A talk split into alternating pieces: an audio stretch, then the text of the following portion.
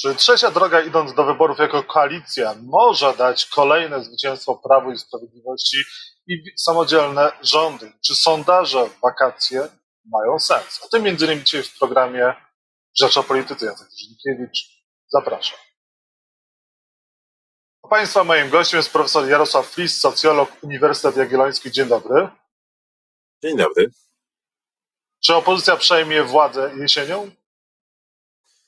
No, wynik jest bardzo wyrównany i wiele jeszcze jest przed nami wydarzeń, ale na dziś jest to pewnie bardziej prawdopodobny scenariusz niż to, że e, Morawiecki zostanie dalej premierem, czy ktokolwiek inny z obozu Prawa i, i Sprawiedliwości. Prawo i Sprawiedliwość jeszcze się jakoś tam może łudzić pierwszą pozycją, ale jeśli spojrzeć na notowania wszystkich pozostałych partii razem wziętych, czy nawet bloku senackiego, no to on zdecydowanie przewyższa siłą. W tej chwili Prawo i Sprawiedliwość. Prawo i Sprawiedliwość ostatnią nadzieję pokłada e, w e, Konfederacji, ale prawda jest taka, że im bardziej próbuje to jakoś wyartykułować, powiedzieć, no tym bardziej Konfederacja zastrzega, że absolutnie pod żadnym pozorem i, i nigdy. No, rozumieją też, że gdyby powiedzieli, że że rozważają taką opcję, to byłoby to śmiertelne zagrożenie dla nich, a nie dla kogokolwiek innego, bo wyborcy jednak najwyraźniej także Konfederacji E, co pokazują najnowsze sondaże, takie bardziej dogłębne, e, no szczerze nie cierpią, żeby nie powiedzieć nienawidzą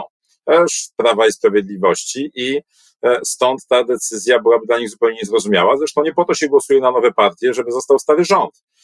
Po to jest, po to ludzie szukają czegoś nowego żeby zmienić to, co jest, to, co jest stare, więc to są raczej takie złudzenia, ale nawiasem mówiąc bardzo przypominają sytuację Platformy Obywatelskiej z 2015 roku, która też była przekonana, no nie jest może dobrze, ale no w ostateczności doprasimy lewicę e, i, i jakoś damy radę, bo przecież PiS no nie da rady na pewno, no bo bo jest skłócony, ma szklany sufit i wszystkie te rzeczy, no to jest jakieś déjà vu po ośmiu latach. A kwestie bezpieczeństwa i samego referendum nie pomogą Prawu i Sprawiedliwości w reelekcji? Wszystkie takie triki, które znamy z historii, oczywiście może się tak zdarzyć, no różne rzeczy się dzieją, ale jeśli spojrzymy na historię różnych referendów, to tutaj też jest analogia do 2015 roku. No Bronisław Komorowski też zarządził referendum w nadziei, że mu to pomoże. No ważny temat, Kukiz miał 20% w pierwszej turze pod hasłem Jowów i tak dalej. No te wszystkie pytania też były tak oczywiste jak te, to znaczy było wiadomo, co ludzie odpowiedzą na te pytania. One nie były jakimś dylematem, co zrobić, że się ważymy się to w tą czy we w tą, tak jak z wejściem euro, czy, e, czy z handlem w niedzielę, jak byłoby, czy, czy z aborcją. No chociażby, tylko były to takie no, pytania retoryczne. No i wiemy, jak się skończyło, to znaczy, no, ani jemu nie pomogło w wyborach prezydenckich, ani w partii rządzącej nie pomogło w wyborach e, sejmowych. Także to tak naprawdę najważniejsze referendum, które będzie 15 października, to jest to, czy, czy odsunąć Prawo i Sprawiedliwość od władzy, czy nie odsunąć. I to jest pytanie, na które jeśli spojrzymy na dzisiejsze sondaże CBOS-u, no to połowa Polaków uważa, że odsunąć, ponad połowa, a tych, którzy uważają, że zostawić, no to jest, jest tam połowa z tego, no może trochę więcej, 30% do 50%, no ale tak mniej więcej, do 47%. Żaden rząd w badaniach CBOS-u e, od 22 lat nie miał tak złych ocen e, przed samymi wyborami. Ostatni rząd, który miał takie złe oceny, to był rząd Jerzego Buzka. Jak wiemy, odszedł z przytupem. To łącznie z tym, że się nie dostał do do Sejmu. No, PiSowi się udało wygenerować tą, tą swoją bazę, ale ta baza jest stanowczo za mała, żeby dalej, e, dalej rządzić. No i teraz e, najwyraźniej to referendum jest objawem z jednej strony paniki, e, i tego, że puszczają kompletnie hamulce, to znaczy strach, że świadomość tego, że tyle, w tylu sprawach przegięliśmy, tyle spraw zepsuliśmy, że, że naprawdę tam na podstawie samych raportów można by rzeczywiście nie jednego, no nie z zemsty, tylko tak normalnie, no tak jak Sarkozy poszedł i został skazany we Francji. No może się bronić każdy polityk, że to zemsta, no ale jednak jest tak, że jak, jak rządzący kradną, no to posadzenie ich do więzienia nie jest zemstą. To, to jest normalna, e, normalna procedura. W związku z czym tu jest z jednej strony obawa, a z drugiej strony jest tak, że ponieważ Jarosław Kaczyński za, zachował wiarę w swoje zdolności, pomimo serii porażek od, od trzech lat, jedna za drugą, same niepowodzenia. E, KPO, piątka dla zwierząt, werdykt aborcyjny, no wszystko, wszystko to poszło nie tak, jak, jak miało. E, no i, ale teraz trzyma pakiet kontrolny i, i w związku z czym nikt nie, wszyscy starają się zaspokoić jego najskrytsze marzenia, więc te pytania, to nie są pytania, jakie Polacy chcieliby usłyszeć w referendum, tylko to są pytania, jakie z przyjemnością zada Jarosław Kaczyński. Ponieważ zna na nie odpowiedzi, tak są, tak są sformułowane. A żeby nie było wątpliwości, e, jak na nie odpowiedzieć, no to nie jest dobry doradca w, w żadnej kampanii wyborczej. To znaczy, to jeżeli nie mówi się tego, co chcą słuchać wyborcy, tylko się mówi to, co chce słuchać niekwestionowany lider własnego środowiska. No tak, ale w 2015 roku udało się już e, przejąć właśnie temat, narzucić go Polakom. Mówię tutaj o kwestii uchodźców i między innymi na tym, na tej narracji wygrać wybory. Czy Prawo i Sprawiedliwość poniekąd nie próbuje właśnie narzucić tych tematów i na kwestii bezpieczeństwa i również kwestii uchodźców ponownie zwyciężyć e, jesień? I na ile to się może okazać skuteczne? Spróbowanie mało wychodzi, dlatego że po pierwsze, no ta sprawa e, jest już dużo bardziej oswojona. Wtedy to był szok. Jednak te tłumy na granicach, na Węgrzech, w Niemczech, w Austrii, e, to wszystko, co, co widzieliśmy w 2015 roku, to był zupełny szok i to była sytuacja, która nie jest oswojona. W tym momencie ta sprawa jest oswojona. Poza tym w 2015 roku nie bardzo mieliśmy inne problemy. To znaczy gospodarka się rozwijała, od 2013 roku to się wszystko, e, wszystko rozkręcało. No a teraz mamy cały szereg innych problemów, które są. A poza tym wtedy jest tak, że łatwiej mówić tego typu rzeczy, gdy się jest w opozycji i wytyka rządzącym błędy. Natomiast w tym momencie, kiedy, e, kiedy jest e, jak jest, to znaczy rządzi się od 8 lat, i próbuje się toczyć tą samą bitwę, którą się wygrało 8 lat temu, no to, to nigdy nie była dobra dobra strategia w wyborach. Oczywiście może się zdarzyć, zawsze opozycja jest w stanie podarować rządzącym zwycięstwa, ale chyba teraz to jest ponad jej, e, jej siły, patrząc na to, co się dzieje z rządem Prawa i Sprawiedliwości, z jego notowaniami w Cebosie, z oceną poziomu życia, e, która, e, która spada, z tą hierarchią problemów, o których ludzie mówią. No i najważniejsze z tym oderwaniem od rzeczywistości, takim upojeniem władzą, które widzimy po stronie obozu rządzącego. Jeżeli chodzi o kwestię referendum, to pan uważa, że ono jednak może wcale nie pomóc Prawo i Sprawiedliwości zachować władzę? No takie przypadki jak Cameron, referendum Camerona, referendum konstytucyjne Renciego we, we Włoszech, w Polsce referendum Wałęsy w sprawie prywatyzacji w 1995 roku, no czy właśnie to najświeższe Bronisława Komorowskiego sprzed ośmiu lat. Każdy z tych takich trików wyborczych miał no, genialny pomysł, postawimy na nowo, rozgrzejemy scenę polityczną, ustawimy w takiej opozycji. No to nie jest tak, że, e, że e, włoska scena polityczna, że powszechne nie było poczucie, że coś trzeba zrobić, jakąś zmianę we Włoszech wtedy, kiedy Renzi zarządzał swoje referendum, ale jednak się okazało, że kluczowym w takim referendum jest e, pytanie o to, czy zostawić, czy odstawić rząd, tak, który jest aktualnie. No i w tym momencie, patrząc na sondaże, na opinie na temat Prawa i Sprawiedliwości, na temat samego rządu, no to widać, że to, co Polaków najbardziej kręci, to jest referendum w sprawie, czy już dość rządów E, Prawa i Sprawiedliwości, czy, e, czy nie dość. No i tutaj te odpowiedzi są jasne. Cztery lata temu rząd Morawieckiego miał najlepsze oceny ze wszystkich rządów z wcześniejszych 22 lat. I, I wtedy utrzymał się przy władzy, a teraz ma najgorsze. No coś się na to złożyło, ta seria błędów, e, nieszczęsny Polski Ład, KPO, konflikty przez teraz na chwilę wyciszone, ale to tylko do rejestracji list. Przecież tam teraz w tym momencie ta Teraz wszyscy trzymają w obozie Zjednoczonej Prawicy język za zaciśniętymi zębami. Jak się zarejestruje listy, no to się skończy ta, e, ta e, chwila oddechu przed rywalizacji wewnętrznej. No wiemy, jak to wszystko wyglądało. Ciasno jest na tych listach. Dla wielu posłów nie będzie miejsca, dla wielu ministrów. Wiemy, czym to się skończy. Wiemy to od 25 lat. Posłowie piszą donosy do mediów na swoich kolegów z listy, zrywają swoje własne plakaty. No to jest standardowa procedura E, z tą polska polityka ma do czynienia, jak już zostaną zarejestrowane listy. Teraz oczywiście nikt tego nie robi, bo by wyleciał.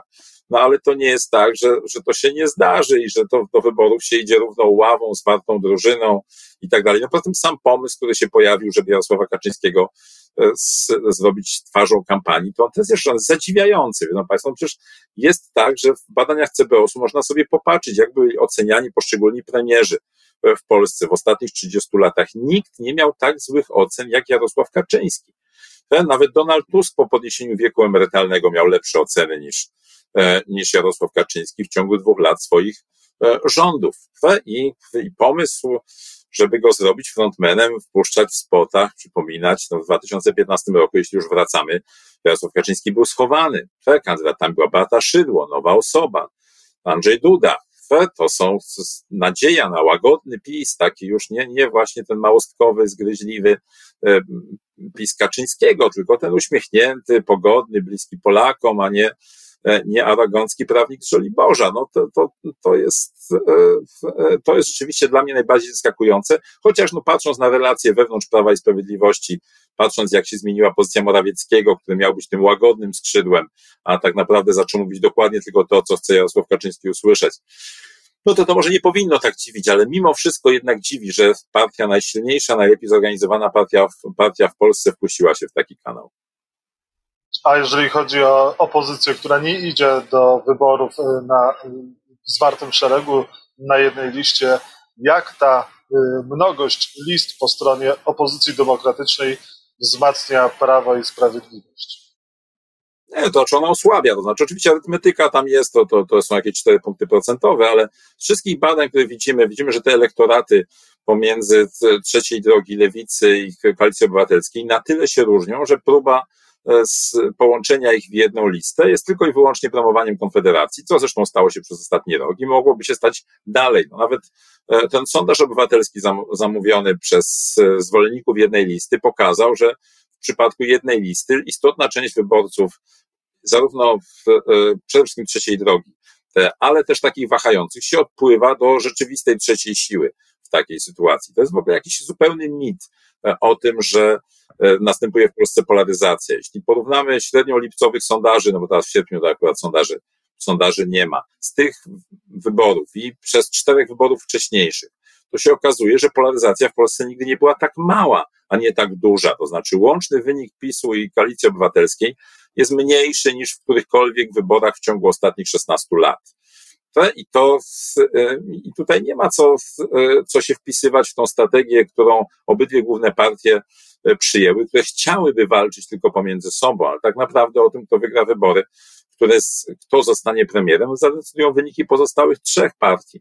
E, jakie będą ich proporcje, kto, kto będzie silniejszy, kto, to, kto przeważy na jedną czy na drugą stronę i, i tak było zresztą też w poprzednich wyborach. Bo jak się okazuje, zwykle i partia rządząca, i Prawo i Sprawiedliwość traciły w sondażach, jeśli porównać, znaczy traciły poparcie, jeśli porównać lipcowe sondaże i październikowe głosowanie.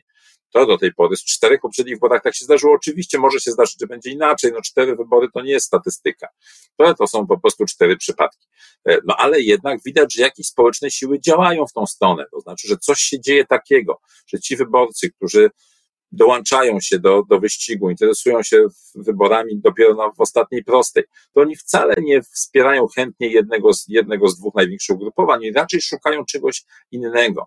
W tym momencie w sondażach najlepiej widać tych, którzy już wiedzą, którzy nienawidzą, e, którzy są, się pogrupowali w te obozy, ale to jest tylko e, to jest tylko część Polski, to jest dwie trzecie Polski, ale ciągle jeszcze jest ta jedna trzecia, która myśli zupełnie inaczej. A czy trzecia droga, e, idąc jako koalicja, może powtórzyć scenariusz e, lewicy z 2015 roku. No i dopomóc, jeżeli nie wejdzie właśnie jako koalicja, nie zdobędzie 8% i dopomóc Prawu i Sprawiedliwości nie tylko w reelekcji, ale w samodzielnej większości. Jest, taki, jest takie zagrożenie, powinni może iść e, jako partia? Może nie zawsze, ale też warto pamiętać, no, patrzeć na zupełnie inną pozycję sondażową, to znaczy w, lewica w lipcu 2015 roku miała 4% poparcia, natomiast tu jest stabilne poparcie powyżej 10% średnia sondaży. Oczywiście zaczynało się od 14, zjechało do 10, e, ale nic nie wskazuje na to przez ostatni miesiąc, żeby zjeżdżało dalej, ustabilizowało się na tym poziomie i to jest względnie bezpieczny e, poziom. Poza warto też pamiętać, że jeśli spojrzymy na te cztery ostatnie wybory, to PSL był zawsze niedoszacowany, to znaczy zawsze jego wynik wyborczy w październiku był lepszy niż e, średnia z e, sondaży w, w lipcu, nawet po wyrzuceniu wszystkich niezdecydowanych, rozdzieleniu ich równo i tak dalej. No prawda jest taka, że e, te partie, które są na środku, to też różnych badań wynika, one nie wzbudzają takich emocji. Na nie się nie głosuje dlatego, że się je ogląda w telewizji i, i tak dalej. One wzbudzają one przyciągają wyborców przez to, że mają kandydatów właśnie takich, którzy nie wzbudzają emocji negatywnych, nie polaryzują, to znaczy, ale za to są znani e, lokalnie. To znaczy, ludzie nie głosują na PSL, ludzie głosują na kandydatów ludowców, na kandydatów z list PSL-u i dlatego PSL zyskuje trochę więcej w sondażach, w wynik, wyborach, niż rzeczywiście w sondażach, bo takich wyborców się nie wychwytuje.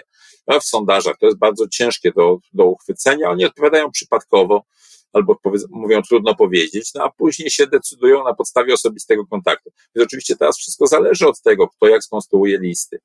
E, czy te listy, czy na tych listach będą dotychczasowi posłowie, e, wygryzą wszystkich potencjalnych silnych konkurentów lokalnych, radnych, osoby, które nie są tam gdzieś w Warszawie, ale są na co dzień między, między ludźmi. Bo przecież głównym problemem posłów jest to, że że znikają w kuluarach sejmowych, że zrywają te więzi. Nie zawsze i rzeczywiście nie, część partii włożyła w to większy wysiłek przez w minionych latach, zauważyła ten problem, ale prawda jest też taka, że w tych partiach dużych, które się bardziej obawiają wyniku, jest więcej tych posłów. Siła tych, którzy chcą blokować listę przed nowymi kandydatami jest dużo większa. Natomiast jednym z jedną z korzyści tego, że się jest małą partią w Sejmie, taką mającą do 30, a może jak Polska 2056 posłów, no to jest to, że tych posłów, którzy blokują dostęp do, dla nowych ludzi e, na list, jest po prostu mniej, że ich siła jest mniejsza, że tych nowych ludzi jest więcej, którym się chce, którzy nie są opatrzeni e, w, w tej roli sejmowej, ale są już może jakoś opatrzeni inaczej. Także wydaje się, że to jest takie zagrożenie. Nie spodziewałem się tego, prawdę powiedziawszy, że, E, że zostanie to zarejestrowane jako listę, bo, bo trzy poprzednie takie doświadczenia były jednak fatalne, to znaczy e, gdzieś tam w koalicji Ojczyzna i AWS-u w 2001 roku i, i właśnie ta lewica. No ale na razie te, te wszystkie zapowiedzi o tym, że, że zmierzają pod, pod próg, w sondażach tego nie widać. W sondażach widać pełną stabilizację zarówno lewicy, jak i trzeciej drogi na poziomie 10%. I, no i teraz zobaczymy, gra się gra się zaczyna. Różne rzeczy się mogą zdarzyć, e, ale na razie nic na to nie wskazuje, że jest takie zagrożenie. A kto ma największe zdolności mobilizacyjne z ugrupowań e, startujących w wyborach? No, albo też z obozów, czy Prawo i Sprawiedliwość ma jeszcze jakieś możliwości, żeby zmobilizować tych, którzy na przykład mówią, że do wyborów nie pójdą? Na pewno jest tak, że, e, że są jeszcze, to, to zależy od takiego lokalnego właśnie nacisku, bo ludzie głosują wtedy, kiedy się o to poprosi. I teraz jest pytanie, która partia ma największy zasób, największą organizację, e, stoją za nią ludzie, którym się będzie chciało. Ale prawda jest taka, że dużo łatwiej się zawsze mobilizuje tym, którzy idą po zwycięstwo, a nie tym, którzy tracą stosunku do poprzednich wyborów. A to nie pozostawia wątpliwości. Prawo i Sprawiedliwość w tych wyborach, w tych sondażach ma wyraźnie gorszy wynik niż 4 lata temu. E, jest w defensywie. To pytanie, czy jest w stanie się obronić, ale na pewno nie jest tak, że, idzie jak burza. No to tego nie można powiedzieć.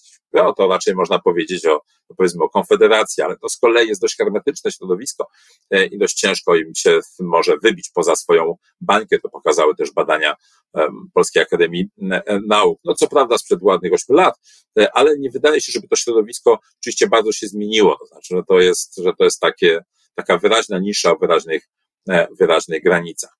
Może trochę się poszerzyło, ale w każdym razie jest tak, że E, patrząc na, e, na to, w jakim stanie jest obóz rządzący, e, w jakich jest nastrojach, patrząc na te sondaże, trudno się spodziewać jakiejś wielkiej fali entuzjazmu. Jeśli spojrzymy też na opinię wszystkich pozostałych elektoratów, a przecież każdy wyborca się kontaktuje z ludźmi o innych poglądach, to widać, że tam jest bardzo duża niechęć do Prawa i Sprawiedliwości, że Prawo i Sprawiedliwość, mnożąc sobie wrogów zupełnie nad potrzebę przez minione osiem lat, E, wyrobiło sobie opinię tego najbardziej aroganckiego i, i nieprzysiadalnego e, chłopaka na boisku, który może nawet jest najsilniejszy w jakimś czasie, ale tych innych jest dużo więcej. To znaczy, to jest tak, że, że trzeba być nie tylko najsilniejszym, ale silniejszym od wszystkich pozostałych. Jak patrzymy teraz na wyniki w Hiszpanii, ostatnie wyniki, no i co z tego, że Partia Ludowa była największą partią, jak się, jak okazuje się, że nie ma zdolności koalicyjnej. E, to samo było przecież w Szwecji. Socjaldemokraci byli zwycięzcami, ale premierem jest e, lider trzeciej w kolejności e, partii, bo to on miał zdolność koalicyjną, żeby sformować e, obóz, który ma większość. No w tym momencie jest tak, że Prawo i Sprawiedliwość, rzucając obelgami we wszystkie strony, nazywając swoich przeciwników obozem zdrady narodowej, tam bez żadnego wyszczególnienia, wrzucając wszystkich do jednego worka, bo to już tak trzeba rozumieć, no ustawia się w takiej sytuacji, z której nie bardzo jest wyjście. No, to nie, nie, odbie, nie odrabia lekcji swojego idola Orbana, który pierwszą rzeczą, którą zrobił, to e, przygarnął do koalicji ichniejszy PSL, czyli Partię Drobnych Rolników. No i wtedy wyglądałoby to może inaczej. Natomiast Prawo i Sprawiedliwość żyje od 8 lat w przekonaniu o własnej samowystarczalności. To przekonanie może zostać brutalnie zweryfikowane 15 października. Platforma Obywatelska przygarnia Michała Kołodziejczaka, który ma kandydować z list Koalicji Obywatelskiej z Konina, z jedynki. No i pytanie, czy to pomoże Koalicji Obywatelskiej i czy może też y, opozycja powinna przygarnąć Romana Giertycha. Jak start Romana Giertycha mógłby pomóc opozycji, a może zaszkodzić? Nie, na pewno Giertych jednak ze, ze, swoim, ze swoim bagażem wcześniejszych y, decyzji, no to, to jednak byłby dużym zaskoczeniem. To znaczy, na pewno to jest taka osoba, która no nie jest nowa w polityce, tak jak Kołodziejczak i jeszcze można się po niej spodziewać, że się dobrze zapowiada albo nie zapowiada się tak źle. Natomiast no, prawda jest taka, że, e, że te wszystkie szarże, podejścia, zresztą cała aktywność w ostatnich tygodniach, mnożenie sobie wrogów nad, nad potrzebę, no to, to nie rokuje dobrze. To znaczy ktoś, znalazł sobie Giertych swoją niszę po odejściu z polityki i wydawało się, że jest w niej zadowolony, że, że jakoś sobie z tym daje radę.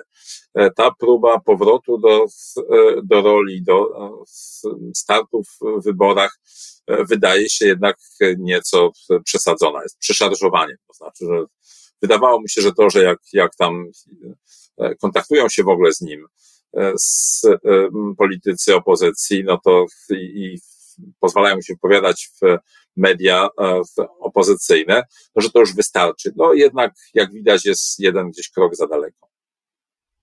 Profesor Jarosław Flis, socjolog Uniwersytet Jagielloński był Państwa i moim gościem. Bardzo dziękuję za rozmowę. Dziękuję pięknie.